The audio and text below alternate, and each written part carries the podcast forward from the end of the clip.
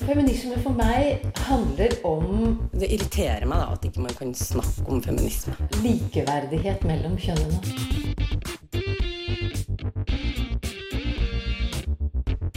Det blikket på kvinnen på film. handlet det om å bli tatt på alvor som jente. Du hører på Et eget rom på Radio Nova. Det har blitt eh, snakket mye om koronaviruset og koronapandemien denne våren. Men hvordan har denne pandemien påvirket en minoritet som LHBT-personer? Du hører på Et eget rom, og mitt navn er Linda Rosenberg.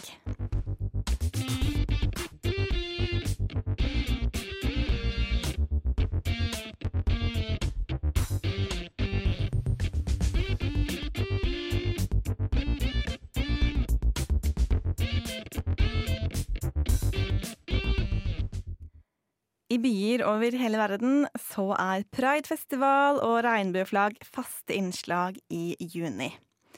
Men i år så er det litt annerledes. Og årsaken til dette, det er så klart et lite virus som har navnet covid-19, også kalt korona. I år så er det 51 år siden at politiet i New York stormet baren Stonewall Inn, angivelig fordi stedet ikke hadde skjenkebevilgning. Stonewall Inn det var et ganske kjent møtested for homofile, lesbiske og transpersoner. Eh, Og i en tid hvor homofili fortsatt var forbudt, så var dette den eneste homobaren i byen som ble tolerert av korrupte politimenn. Med razziaen som skjedde 28. juni i 1969, så fikk gjestene på denne baren nok av trakasseringen fra politiet. Og mange svarte med å motsette seg arrest, kaste steiner og starte branner, og ikke minst så begynte man å protestere ute i gatene i flere dager. Dette opprøret regnes av mange som starten på homobevegelsen. Det handler jo selvfølgelig om likestilling, Noe som frigjøring, tror jeg er litt mer sånn Hvis man skal se litt mer radikalt på det. Du hører på et eh, eget rom. Radio Novas feministiske program. I år så arrangeres Oslo Pride for 38. året på rad. Programmet det startet 19. juni, og festivalen holder det gående digitalt i år frem til 28. Og når vi nå befinner oss midt i denne pride-uka, eh, som feirer mangfold og setter fokus på skeiv tematikk, så er det kanskje også på sin plass å rette et skeivt lys på koronapandemien.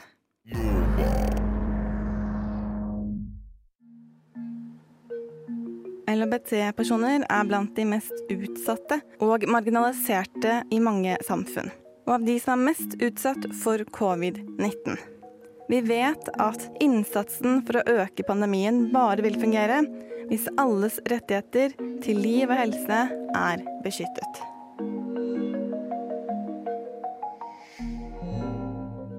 Dette fortalte Michelle Bachelet, FNs høykommissær for menneskerettigheter, i slutten av april.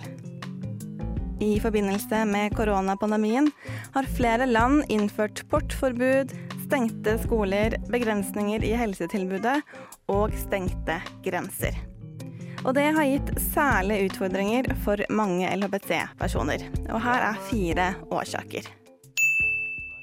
Mange LHBT-personer blir mer sårbare for vold og overgrep i hjemmet. Når man blir tvunget til å tilbringe mer tid hjemme, øker volden og den sosiale kontrollen for mange. Både lesbiske og unge skeive er særlig utsatt for vold fra familiemedlemmer. Og distanseringen gjør også at støtten og kontakten fra venner og LHBT-organisasjoner blir begrenset. Fordi mange LHBT-personer møter stigma og diskriminering når de oppsøker helsetjenester, er det mange steder opprettet egne tilbud for skeive. Disse sentrene har under koronapandemien vært stengt. Det har medført at LHBT-personer som lever med hiv, ikke har hatt tilgang til medisiner, og at tilgangen til hormonbehandling for transpersoner har stoppet opp. Andre opplever at helseklinikker som er trygge for LHBT-personer, ligger i andre fylker eller områder enn der de selv bor. Det betyr at selv om slike klinikker kan være åpne, så har de ikke muligheten til å oppsøke disse stedene pga. stengte grenser og reiseforbud. Mange LHBT-personer er hjemløse, og det gjør også at de har større sjanse for å bli smittet. Transkvinner møter mye diskriminering i mange land.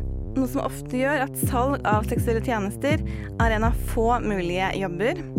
Og når koronaviruset lokker byene, så mister også transkvinner inntektsgrunnlaget sitt. Tenk på da vi gikk i demonstrasjonstog, og Ingrid på seks år gikk med plakat hvor det sto 'Jeg vil bli statsminister'. Og alle mennesker lo langs ruta for at en jente skulle kunne bli statsminister. Du hører på Et eget rom på Radio Nova. Sør-Korea er et land vi ikke har snakket særlig mye om her i et eget rom. Eh, Men det skal vi gjøre nå. Flere internasjonale medier har meldt om en økning i trusler og diskriminering rettet mot LHBT-personer i sosiale medier. Dette har i stor grad skjedd etter at LHBT-personer ble beskyldt for å spre koronaviruset. Myndighetene i Sør-Korea har i stor grad brukt testing og smittesporing for å kontrollere koronapandemien i landet. Og For å gjøre smittesporingen så effektiv som mulig, så har mye data og informasjon, bl.a. fra mobiltelefoner og økonomiske transaksjoner, blitt samlet inn om innbyggerne. Etter en nedgang i nye smittetilfeller, så opplevde Sør-Korea en ny smittebølge sånn rundt midten av mai. Smittesporingen den pekte på flere nattklubber i en av hovedstadens bydeler. Og en av de smittede skal ha blitt identifisert som homofil. Flere medier begynte derfor å omtale nattklubbene som homoklubber, til tross for at ingen av nattklubbene beskriver seg selv som gay clubs. Andre beskrev hele bydelen som homovennlig. Dette førte til en storm av trusler og trakassering rettet mot LHBT-personer i sosiale medier. Og For å gjøre det enda verre, så ble det i tillegg sporet smitte til en sauna, som hyppig er frekventert av LHBT-personer. Det økte fokuset på LHBT-miljøet enda mer, og så flere aviser begynte å publisere innhold med homofobisk innhold. Til sammen så fikk LHBT-miljøet skylden for 79 tilfeller av koronasmitte. Stormen av trusler og trakassering har bidratt til å forverre mye av de fiendtlige holdningene til skeive som LHBT-personer allerede møter fra et ganske konservativt majoritetssamfunn i Sør-Korea. Arrangementer og festivaler knyttet til det skeive miljøet blir regelmessig utsatt for trakassering, trusler og fysisk vold og hærverk. At koronasmitte ble satt i sammenheng med LHBT-miljøet, har gitt ny ammunisjon til anti-LHBT-grupper og deres virksomhet. Men økt homofobi og trakassering har ikke vært de eneste konsekvensene ved dette her. Fordi mange av de som testet seg for viruset, de opplevde å bli avslørt mens myndighetene røpet alderen på de som var smittet, ble informasjon som navn og arbeidsplassen avslørt i mediene. Og dette gjør at mange LHBT-personer ikke ville teste seg for smitte, selv om de hadde vært i områder der det var et smitteutbrudd. I midten av mai så oppga myndighetene at mer enn 3000 mennesker ikke hadde møtt opp for å teste seg for smitte. Den sterke homofobien i Sør-Korea gjør at mange skjuler sin legning eller kjønnsidentitet for kollegaer og andre bekjente.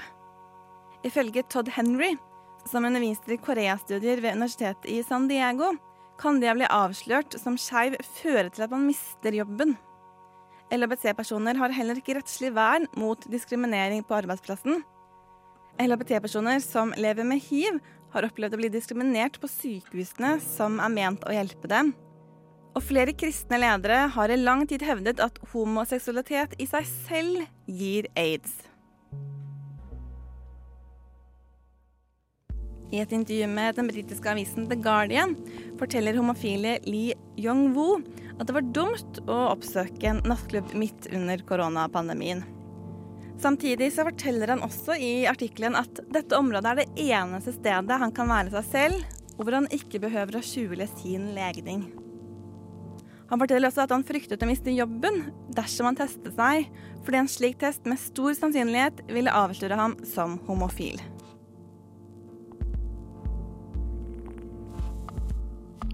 For å imøtekomme frykten til LHBT-personer, så valgte myndighetene å tilby anonym testing. Men siden utbruddet allerede var så tett koblet til det skeive miljøet, så var det mange som likevel fryktet at det å teste positivt ville innebære å bli avslørt som skeiv.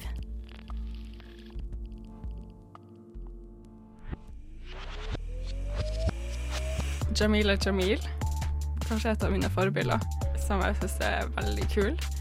Hennes motto er liksom at så lenge man er opptatt av å lære og utvikle seg, så skal alle få lov til det. Så alle kan jo si dumme ting en gang iblant, eller trå litt feil, men å da gå tilbake og, og liksom si unnskyld, og jeg er fortsatt i utvikling, og jeg lover å gjøre det bedre neste gang. Du hører på Et eget rom. Radio Novas feministiske program. Flere land har under koronapandemien gitt landets regjering, eller statsleder, økte fullmakter.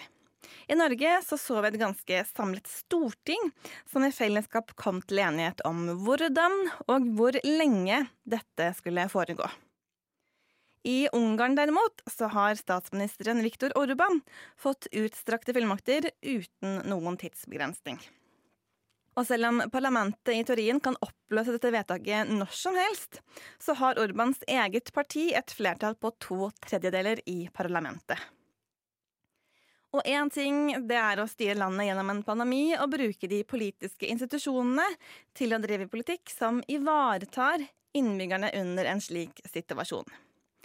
I Ungarn derimot så har regjeringen blitt kritisert for å bruke covid-19-pandemiens smittetiltak for å fremme diskriminerende politikk, og for å ha brukt koronapandemien til andre politiske formål. 19. mai ble en ny lov vedtatt i det ungarske parlamentet. Loven innebærer at skjønnet som blir registrert ved fødselen, gjøres permanent. Det vil dermed ikke være mulig å endre skjønnet som registreres i fødselsattesten, noe som vil si at trans- og interkjønnspersoner ikke lenger har lov til å endre juridisk skjønn i pass, førerkort og annen type legitimasjon. I tillegg så krever loven at alle typer ID-papirer og offentlige dokumenter skal angi om man er mann eller kvinne.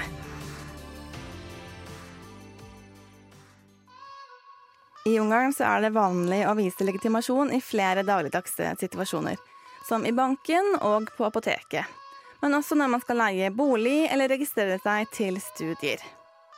Transpersoner frykter nå at loven vil skape store praktiske utfordringer i hverdagen deres. I en artikkel i den britiske avisa The Guardian har transkvinnen Yvette tidligere uttalt. I Ungarn må du vise legitimasjon for å låne en sykkel, kjøpe et busskort eller hente en pakke på postkontoret. Det betyr rett og slett å måtte komme ut som trans til helt fremmede mennesker hele tiden.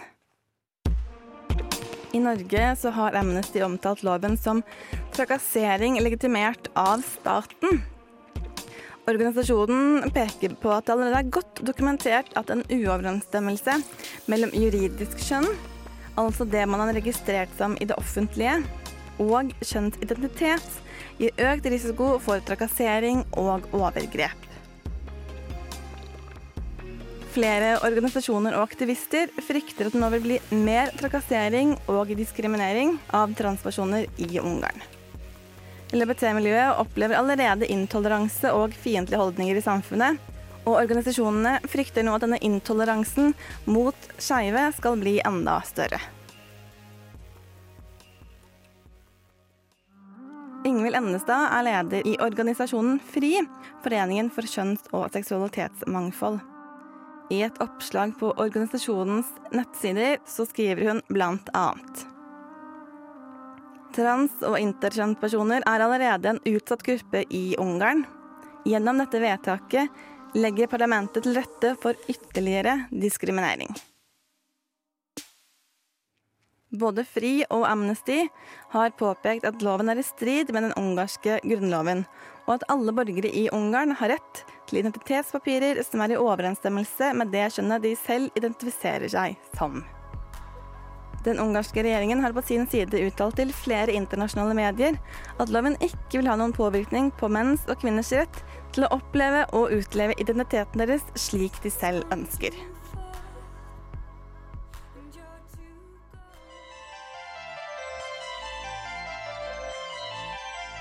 I like to joke about the man box, which is like you can only be a man if you fulfill these certain qualities and you stay within this Mhm. square. Du hører på Et eget rom på Radio Nova. Some of the best feminists I know, man. Ungarn er ikke det eneste landet som har blitt beskyldt for å utnytte koronasituasjonen.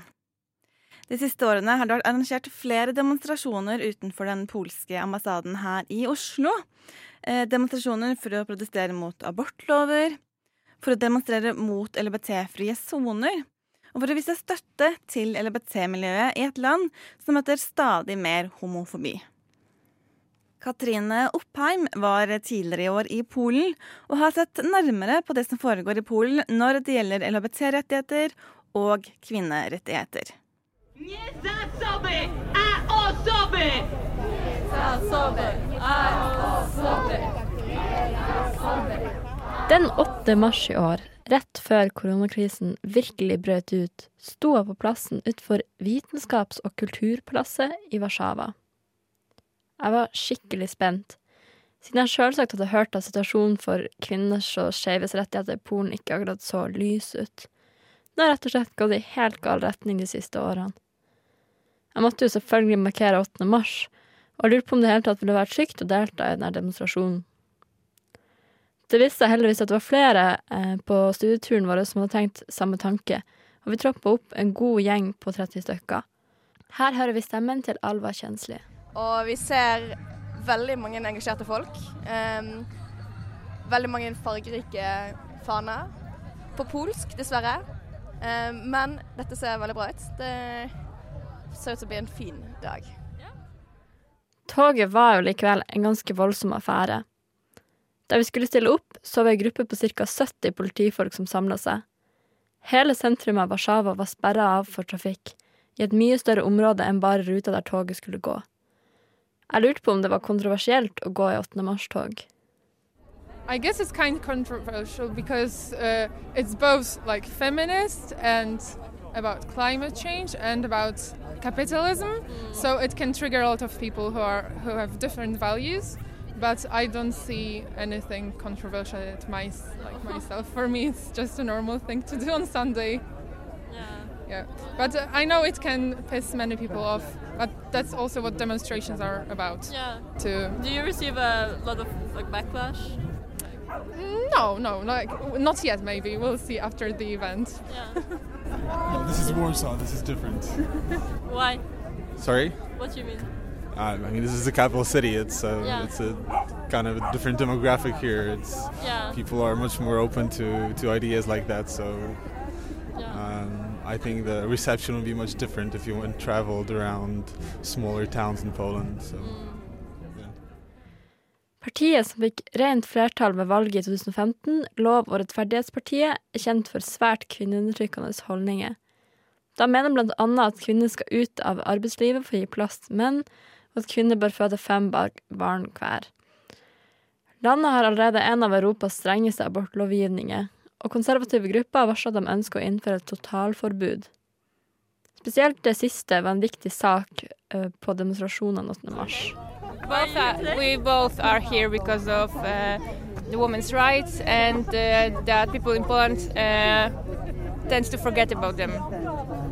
Uh, and we're here to show that uh, they're important even in uh, 2020 and that we should have uh, right to abortion, to um, education, uh, about our reproduction rights, for example, and now uh, it's impossible to get mm, not political information at schools. So yeah, we're here just to just to mm, say that it should be um, it should be changed. What does your parole say? Yeah, it's about abortion women's decisions. Yes? It's about one of the biggest challenge maybe of uh, women's rights in Poland. And uh, so we're proud of uh, making it part of the whole uh, gathering. Det har faktisk ikke alltid vært sånn. På 70- og 80-tallet dro faktisk mange kvinner fra Norge til Polen for å få ta abort. På den tida opplevde Polen en demokratisk revolusjon innenfra gjennom bevegelsens Solidaritet. Det som skjer i Polen nå, er altså et tilbakeskritt fra da situasjonen landet har hatt før. Hello? Originally, the 8th of March was very much celebrated at the communist times and uh, in all like Eastern Europe, European countries. And nowadays, uh, like we kind of changed the meaning of what it what it is because when they used to celebrate it, it was about appreciating women's work but still demanding very much from them. So they were supposed to be both employees and work at home as mothers and not getting money for what they did as mothers. So they did both things. And now we twist the meaning of it and we demand our rights as women. And what has changed? Uh, well, since the communism, a, a lot has changed for good, but we still think that we are not treated equally, maybe. Um, for example, there are a lot of here the posters saying that we have no legal abortion in Poland, which is not true for many European countries. Um. Så skjedde det. Studieturen vår ble avbrutt, og alle heiv seg på det første flyet hjem. Vi var kasta tilbake til vår egen lille virkelighet, der vi skulle prøve å finne ut hvordan vi skulle takle krisen forårsaka av covid-19. Samtidig advarte både Amnesty International og Human Rights Watch om at koronakrisen kunne bli brukt av polske myndigheter til å få vedta lover som ellers ikke hadde blitt godkjent. I midten av april trossa polakker koronarestriksjonene og farene rundt korona for å protestere mot to lover som ble behandla i parlamentet. Den ene skal forby abort i tilfeller der eh, fosteret er alvorlig sykt. Ifølge BBC skjer 98% av landets lovlige aborter på dette grunnlaget. I tillegg har krisa ført til at mange polske kvinner som tidligere dro til utlandet for å ta abort der, har mista den muligheten mens grensen har vært stengt. Den andre loven er den såkalte Stopp pedofililoven, som vil kriminalisere alle som støtter eller promoterer seksuell aktivitet blant mindreårige.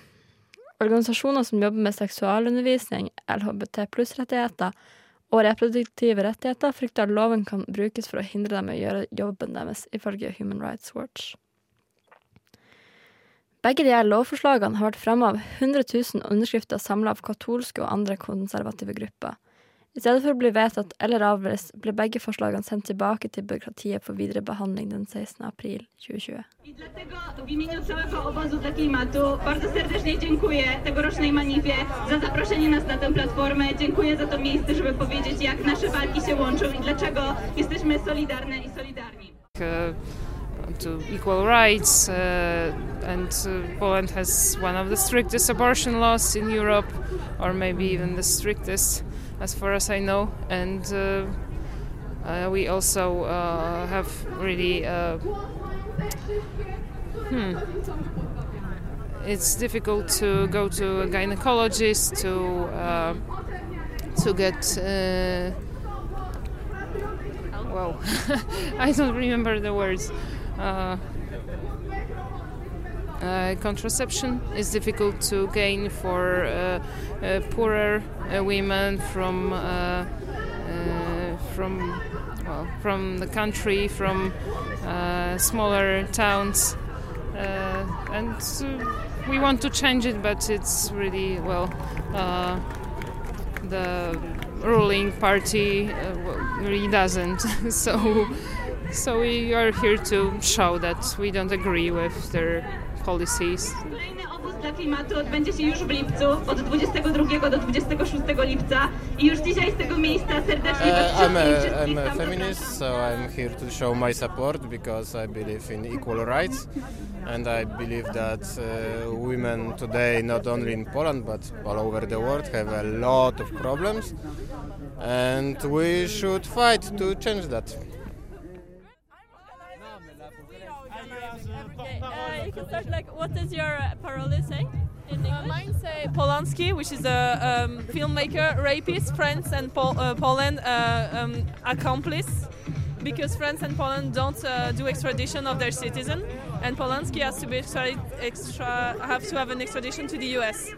for rape, uh, raping a 13-year-old uh, girl in the 70s, and he has 10 accusations more of several child against him, so that's why. Silence is not an option because today I think we are hiding a lot of violences uh, against the women, and it's important to talk about it, to denounce it, and we don't talk enough about it. Yeah, right. Yeah. Hovedprolen i år handler om klimakrisa, og i Warszawa har man tydelig anerkjent viktigheten av samarbeid mellom kvinnebevegelsen og miljøbevegelsen. Her er det mange plakater som protesterer mot bl.a. kullkraft, overkonsum og spesielt for antikapitalisme. I tillegg til dette var paraden en skikkelig godtepose av paroler som omhandler alt fra sexarbeidere sine rettigheter, retten til å elske den man vil, uttrykke sitt kjønn som man vil, motstand mot nazisme, retten til et trygt sted å bo og motstand mot seksuell trakassering. Um, yeah, and, uh, a women's march, to be in a women's march outside Turkey. This is the first time I'm celebrating it outside Turkey. But you do celebrate it in Turkey. Yeah, yeah, I did. Uh, and it's really nice to be in solidarity with people from all over the world. That's why we are all here. Uh, and I'm really impressed by the focus on climate change and like ecofeminism, anti-capitalism. Uh, we have a Polish friend here, and he was translating the slogans for us. Yeah. yeah, and it's a really very nice atmosphere. I'm I'm happy to see that actually. Thank you. Thank you very much. er veldig fint. Det er mange først, Oi, oi. Eh, det er mange eh, forskjellige kamper, på en måte. Eh, det er mer sånn liksom tradisjonell kvinnekamp. Eh, en mer rettet mot dyrs uh, rettigheter, og alle liksom sånn subbevegelser er samlet sammen i denne marsjen. Uh, og det er veldig fint. Ser, så man ser mange flagg uh, og små skilt som alle er samlet, på en måte. Jeg vet ikke, jeg vil bare snakke litt i stad om det er sånn i forhold til marsjen i, i Oslo, da. Hvor du har liksom Der er det partiet, eller der er denne organisasjonen, og ting er veldig satt. Men her er liksom alle samlet sammen om denne veldig åpenbare uretten, da. Så det er veldig fint å se. Det er uh, Appell, en svær eh, van. um, som har spilt mye musikk, som nå det er uh, appeller på. Det er mye forskjellige mennesker. Der hørte du stemmen til Dagny Marie Sand Hårberg. Det var veldig givende å gå i solidaritet med alle de som deltok i 8. mars-toget i Warszawa. Der og da hadde jeg en god følelse, og var veldig inspirert av alle de modige menneskene som orker å møte opp på tross av all motstand de får i offentligheten. Jeg har tenkt mye på dette toget og fulgt med på situasjonen under koronakrisa. Neste søndag er det valg i Polen, og den sittende presidenten Andrzej Duda har brukt mye tid på å markere seg som motstander av skeives rettigheter. Han har blant annet uttalt at såkalt LHBT-retorikk er mer skadelig enn kommunisme, noe som selvsagt er svært kraftfulle ord sett i lys av Polen sin historie. Etter at Warszawas ordfører erklærte at han aktivt ville kjempe mot diskriminering av LHBT pluss-personer i 2019, reagerte Lov- og rettferdighetspartiet med å hevde at LHBT-ideologien er en fremmed ideologi som truer den polske nasjonen og dens kristne verdier. Mange kommuner i Polen erklærte seg deretter som LHBT-frie soner. Valget om å angripe skeive minoriteter kan ses i lys av valgseieren i 2015, da partiet brukte omtrent de samme argumentene om flyktningkrisa, og vant. Derfor var det jo veldig gledelig og overraskende hvor kraftig solidariteten i 8. mars-toget var med her utfordringene. Overalt så man forskjellige prideflagg. ikke-binære, trans, prideflagg med davidsstjerne. Det er tydelig at 8. mars-toget er et sted der man kan være åpent skeiv, og at polske feminister også er opptatt av skeive sine rettigheter. På den senere gatediskoen for retten til abort ble det et enormt prideflagg vaia mellom de dansende demonstrantene. Selv what does your parole say? This is not every girl's Prince Charming is a prince. Sjøl om vi bare fikk være med og bidra i kampen for en liten stakket stund i solidaritet, så fortsetter kampen for seksuelle og reproduktive rettigheter, for kvinners rettigheter og for skeives rettigheter til å ikke bli diskriminert i Polen. Og jeg håper du som har lytta, har lært noe nytt og vil være med og fortsette å støtte deres kamp. Og jeg vil ønske alle med stemmerett i Polen lykke til i søndagens valg. Day, uh, the 8th of March, and we want to show that, uh, that we, Women's Day is not just uh, flowers and showing that, uh, well, uh, respect uh, for women is, if you respect us, give us equal rights. And, right? Reporter her, det var Katrine Oppheim. ikke sagt det, men jeg kan si det en gang til. Radio Nova. På, på DAB og nettradio. På radionova.no. jeg har ikke sagt det, men jeg kan si det en gang til. Radio Nova. Du hører altså på Et eget rom, som akkurat i denne episoden har et litt sånn skeivt blikk på koronapandemien som har vært nå i våres. Nå har vi vært innom litt forskjellige land, eh, og vi nærmer oss en slags slutt på denne episoden. Men eh, før det, her er fem andre saker som er hentet fra koronatiden.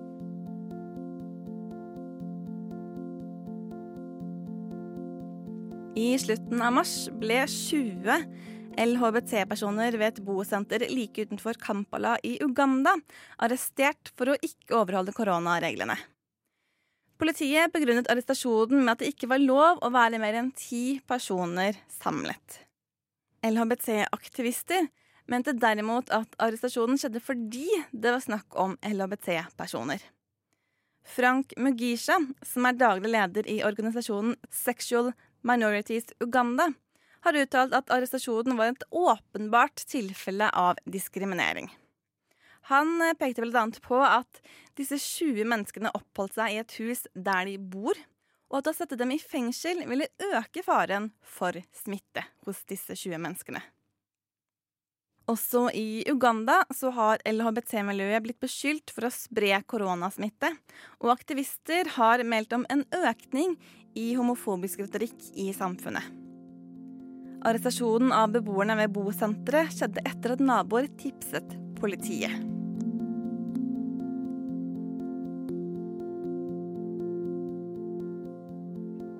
Q-Initiative er en organisasjon vest i Kenya. Under koronapandemien så har de tilbudt digitale samtale- og terapitimer for LHBC-personer som har hatt behov for noen å snakke med. Organisasjonen forteller til BBC at mange skeive har måttet forlate byene og dra hjem til landsbyene hvor de vokste opp, fordi de har mistet jobb og inntekt. Mens mange tilhører et LHBT-miljø i byene hvor de bor, så har de ofte ingen nettverk eller støtte når de kommer hjem. Festus Kisa i Q-initiativ forteller til BBC at mange ikke er åpne om sin legning overfor familien, og forteller at mange ikke føler seg trygge i familiehjemmet fordi de er skeive. I april så opplevde organisasjonen en dobling i hvor mange som hadde behov for psykisk hjelp.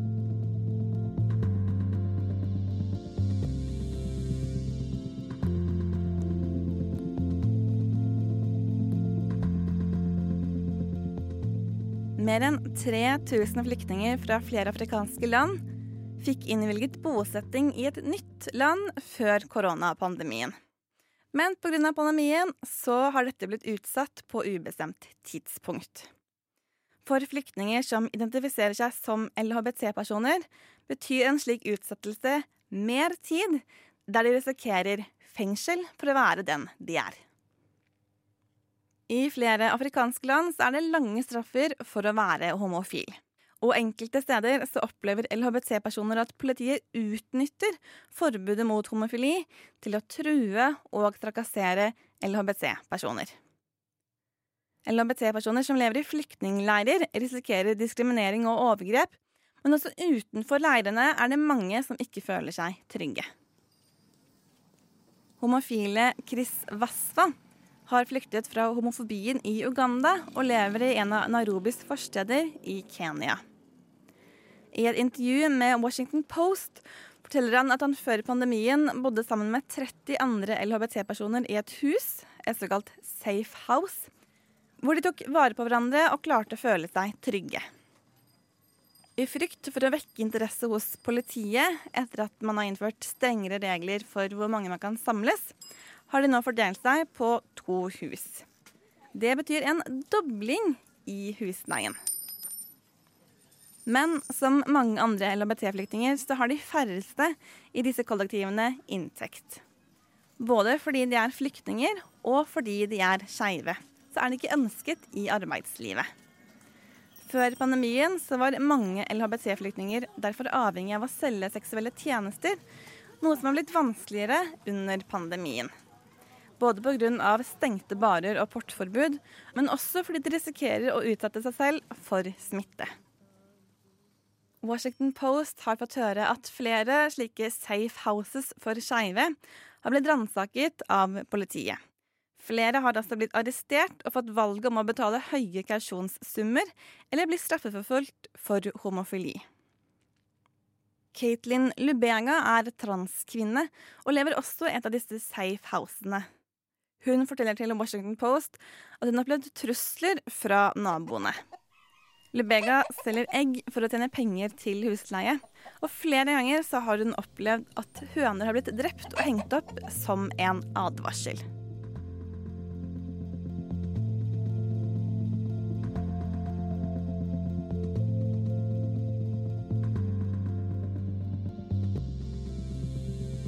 For å unngå store forsamlinger så har Colombia og andre latinamerikanske land bestemt at kvinner og menn skal bevege seg utendørs på ulike dager. Og det har skapt utfordringer for transpersoner og de som identifiserer seg som ikke-binære. I Bogotá i Colombia så har transpersoner fått lov til å velge om de vil følge kvinnenes eller mennenes dager. Likevel så har flere transpersoner rapportert om diskriminering og vold fra andre som har stilt spørsmål ved deres rett til å være ute. Noen har også rapportert om at de har blitt nektet å komme inn i dagligvarebutikker. Og flere har opplevd å måtte vise legitimasjon overfor politiet, til tross for at politiet har fått beskjed om at de ikke kan kreve legitimasjon som bevis på kjønn. Julie Salamanca i organisasjonen Redd Communitaria Trans forteller Reuters at transpersoner er utsatt for fysisk og psykisk vold og trakassering fra politiet, fra supermarkedene og fra samfunnet generelt. Mange har også vært redde for å anmelde vold pga. tidligere opplevelser med vold fra politiet selv.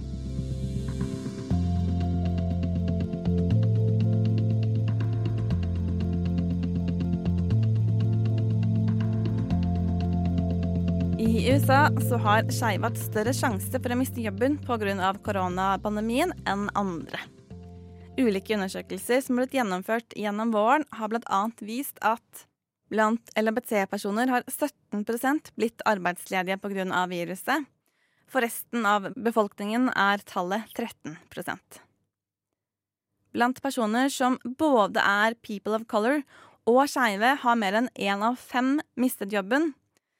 Blant hvite skeive så er det én av syv som har mistet jobben. Én av tre LHBT-personer har fått redusert arbeidstid mot én av fem i resten av befolkningen. LHBT-personer oppgir også i større grad at deres økonomiske situasjon har blitt verre sammenlignet med personer som ikke identifiserer seg som LHBT. LHBT-personer var også før koronapandemien mer utsatt for økonomisk ustabilitet, med lavere lønninger, høyere arbeidsledighet og større grad av fattigdom. Mest utsatt for arbeidsledighet eller de laveste lønningene er transpersoner. LHBT-personer har også i større grad vært avhengig av hjelp fra offentlige eller frivillige matprogrammer enn de som ikke identifiserer seg som LHBT. LHBT-personer har også mindre grad helseforsikring eller tilgang til medisinsk behandling når de har behov for det, noe som også har gjort LHBT-personer mer sårbare i møte med koronapandemien.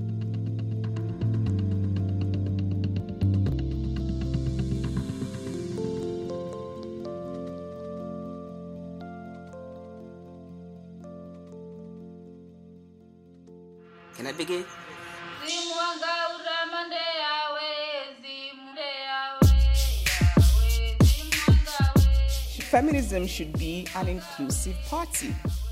Feminism should be a party full of different feminisms. Du hører på Et eget rom på Radio Nova. Please go out there and make feminism a big, raucous, inclusive party. Er du usikker på hva du skal bruke resten av denne uka til? Da anbefaler jeg at du sjekker ut programmet på oslopride.no. For eh, selv om årets pride-uke her i Oslo ikke er like synlig som ellers, så er det fremdeles mye å få med seg. I morgen så kan du f.eks. få med deg en panelsamtale om skeiv kjærlighet i koronaens tid, med paneldeltakere fra Albania, Tyrkia Ungarn og Polen. Og senere på dagen så kan du få med deg en panelsamtale om unge skeive i barnevernet. Onsdag så presenteres en ny rapport om LHBTI-rettigheter i Europa, og hvordan ståa er for LHBTI-personer i ulike europeiske land. Og er det mer av den skjønnlitterære typen, så blir det Skeivt bokbad med forfatterdebutant Henrik Øksnevald og hans roman om flytende seksualitet og tabugrenser. Og det skjer på fredag. Og eh, så må det jo selvfølgelig nevnes at på lørdag så blir det paradeshow fra det gamle biblioteket. Og hele programmet det finner du altså på oslopride.no. Vil du høre mer fra Et eget rom, så finner du alle våre episoder der du vanligvis hører podkast. I tillegg så finner du oss på Facebook og på Instagram. Mitt navn er Linda Rostberg, og det eneste som gjenstår å si, det er at vi høres.